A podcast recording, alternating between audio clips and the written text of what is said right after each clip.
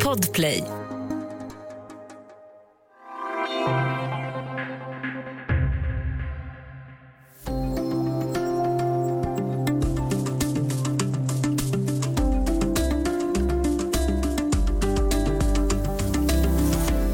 Unga människor, särskilt flickor och unga kvinnor, lider av stress så mycket att det påverkar dem i vardagen. En del löper risk att bli utbrända redan innan de kommit ut i arbetslivet. Varför är det så och vad kan man göra åt det? Välkommen till Studio DN. Jag heter Sanna Thorén Björling.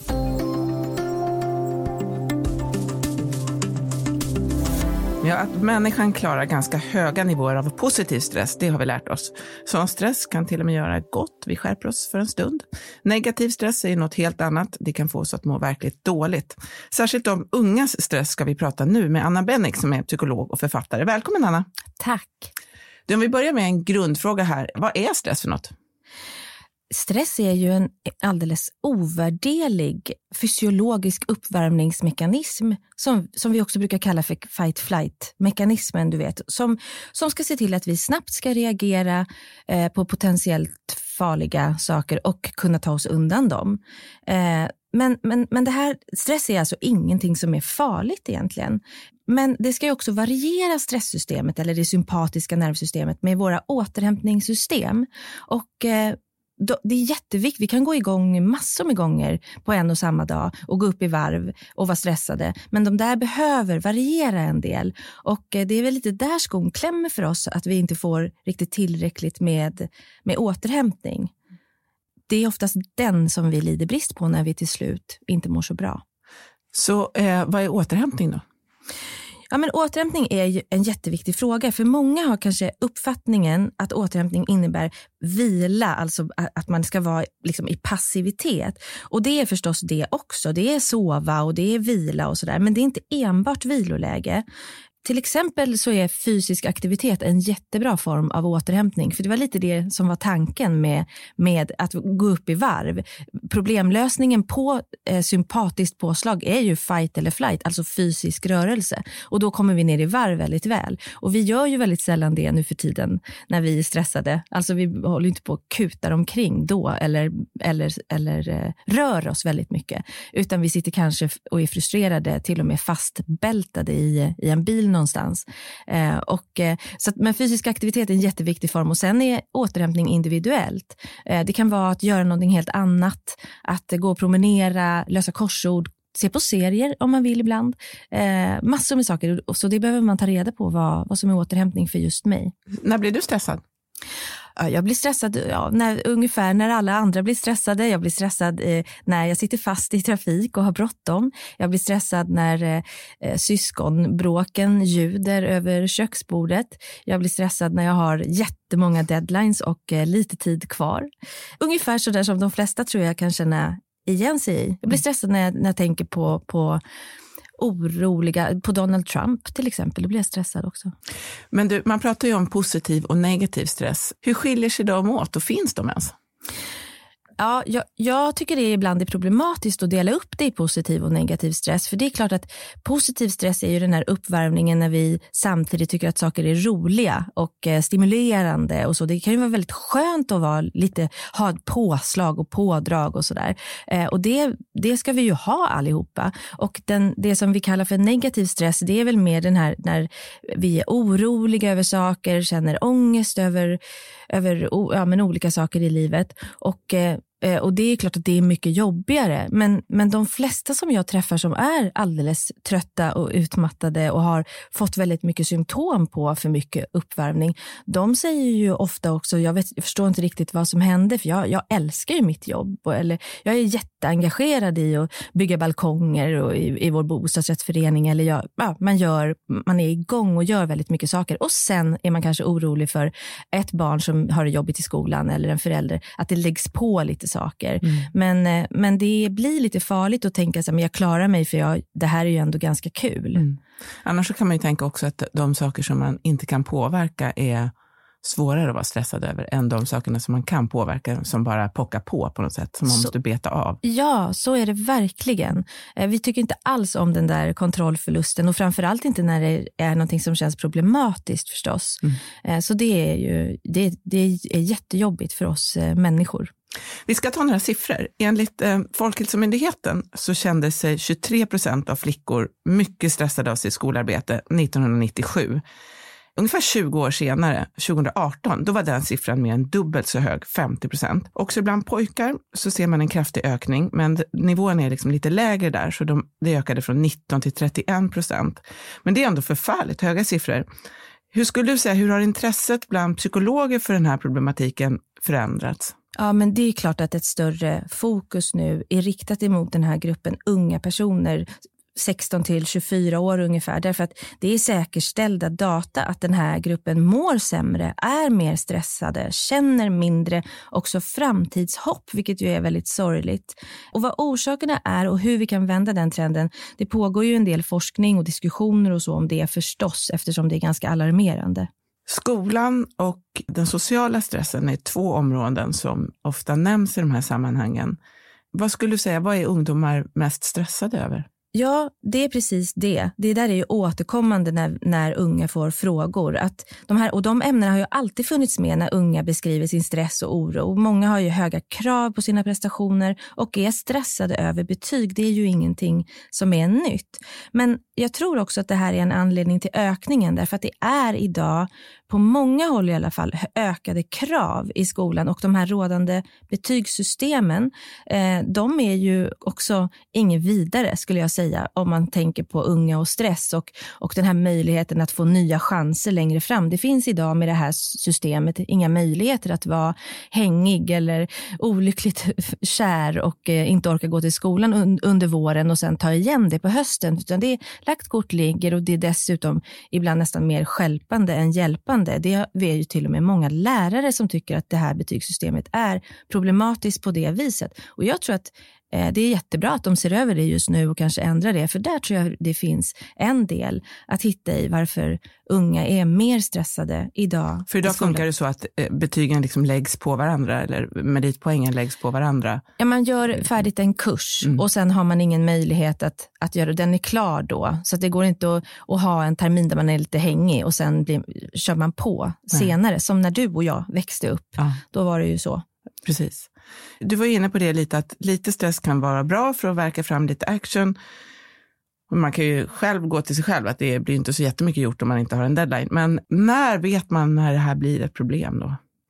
Ja, men det, det, är precis som du säger, vi, vi mår ju bra av den där ökade stressen. Och stress i sig, det är viktigt att säga, det är inte någonting som är skadligt utan någonting som vi behöver.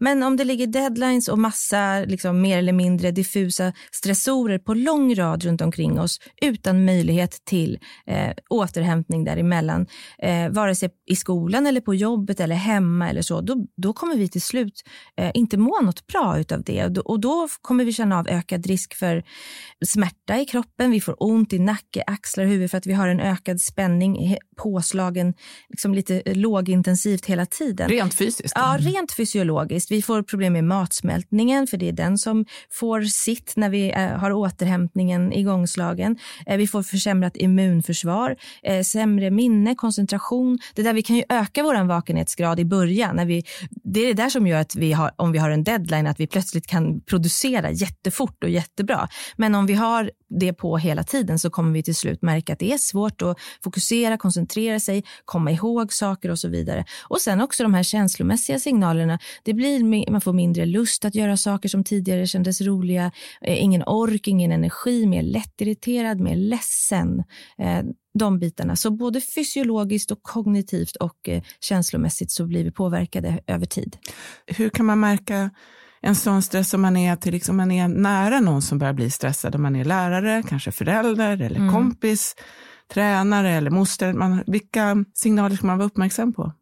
Jag tror att det är bra att vara uppmärksam på när det sker en förändring. Alltså, väldigt, barn till exempel, de rapporterar ju ofta somatiska symptom. Jag har ont i magen. Därför att det är svårt att beskriva när, hur ångest känns när det ligger som ett tryck ont i magen, ont i huvudet. Man kan märka av också ökad trötthet eller håglöshet eller nedstämdhet eller mer att unga är mer arga och frustrerade och orkar mindre. Men det är viktigt att säga också att alla de där sakerna som jag just sa, det är också sånt som hör livet till. Det är precis samma symptom på att vara olyckligt kär till exempel, att känna sig sådär. Så det är inte säkert att det behöver vara ett stort problem som man behöver ha liksom, hjälp med. Men det kan vara bra att börja ställa lite frågor eller hålla lite ökad uppmärksamhet om man märker de där skillnaderna. Mm. Vi ska ta en liten paus och sen ska vi tala om vad man kan göra åt för mycket stress.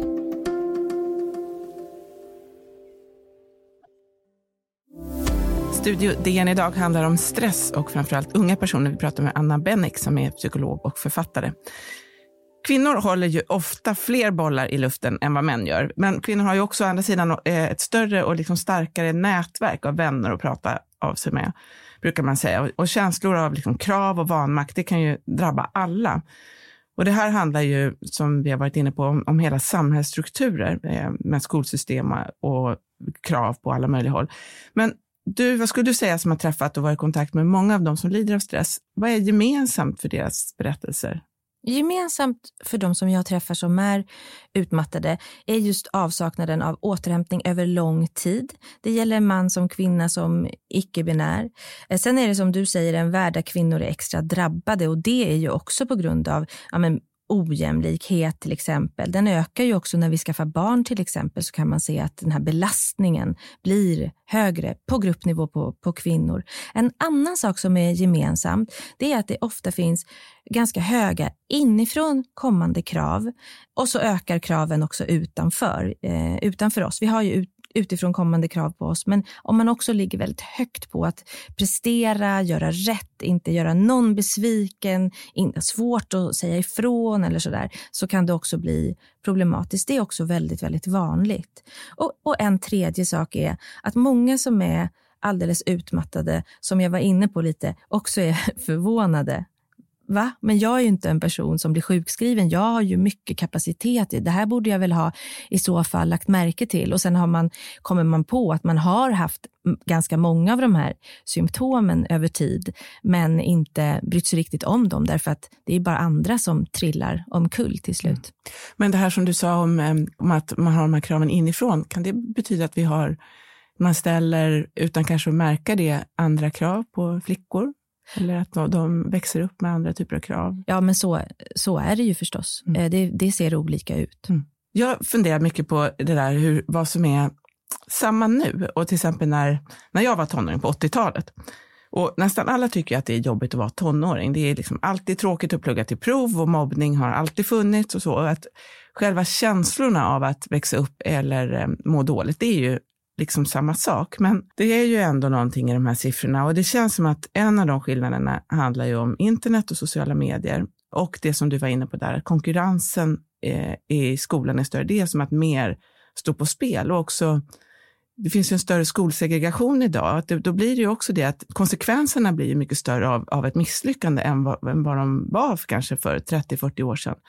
Men vilka är de stora skillnaderna för, för den här generationen? Ja, men precis som eh, du är inne på nu, så skolan är väl generellt tuffare förstås, som vi har, har pratat om. Och de här ökade klyftorna i samhället är ju aldrig bra för ett samhälle och ett samhällsklimat generellt. Eh, och sen är det ju en stor skillnad nu och då när det kommer till den här digitala världen, inte minst de sociala medierna. Och där tycker ju många unga att det är jobbigt med jämförelser och sådär. Och det har vi ju också alltid gjort. Du och jag jämförde oss ju också med våra klasskompisar och, och någon granne och sådär. Men idag går det ju att jämföra sig så mycket oftare med så många, många fler. Eh, och det där är någonting som stressar, att man vill vara rätt, passa in och eh, ja, men inte hamna utanför någonstans och inte missa saker och så vidare.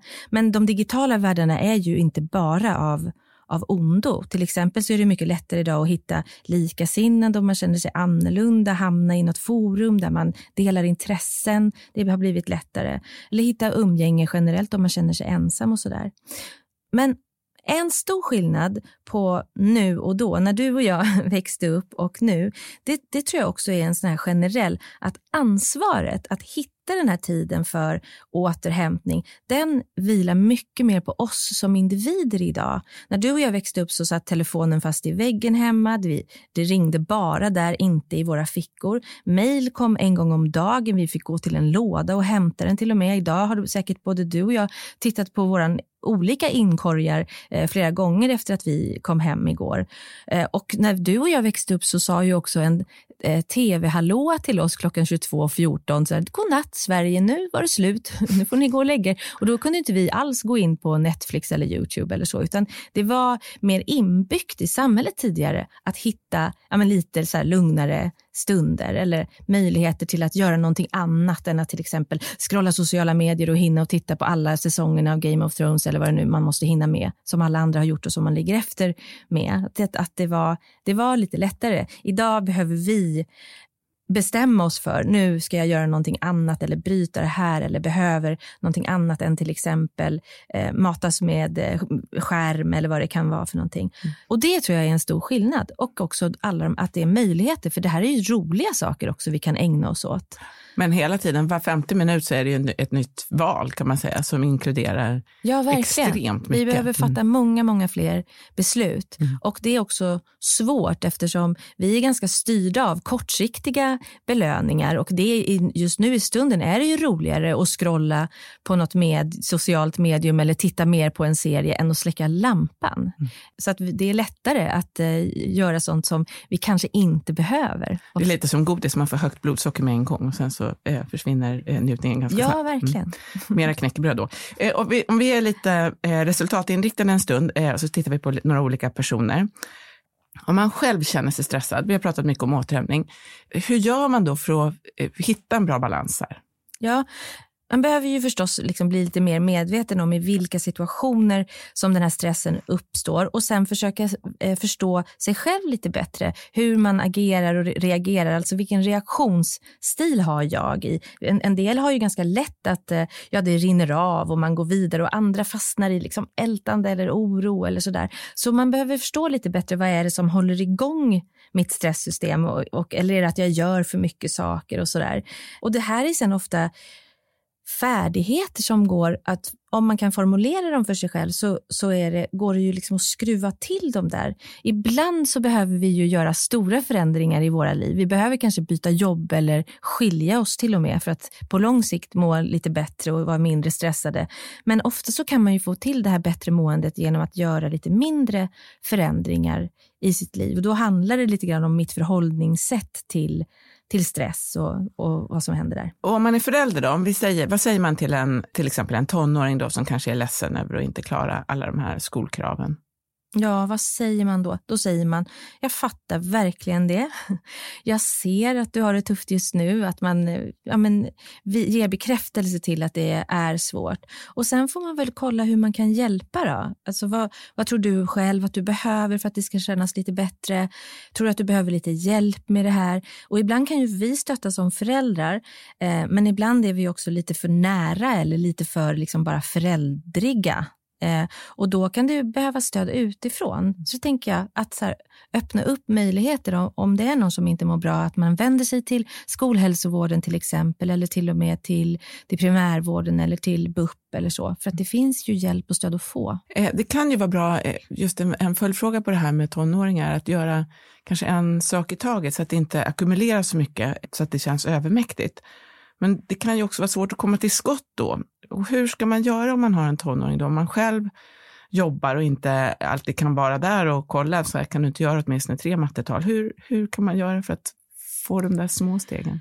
Ja, precis som du säger, vi kan ju inte alltid förstås vara närvarande. Men, men ibland så har vi ett lite så snävt begrepp av vad hjälp kan vara för någonting tycker jag. Alltså vad, att vi håller det här inom familjen och, och, försöker lösa det fast vi är ganska få inom de här olika väggarna som vi bor, eh, bakom. Så vilka fler finns det omkring som kan stötta på olika sätt? Finns det en, någon mormor eller granne eller har man en kompis som kan komma förbi som kanske inte har massor med små barn hemma just nu så man kan be om hjälp med sådär.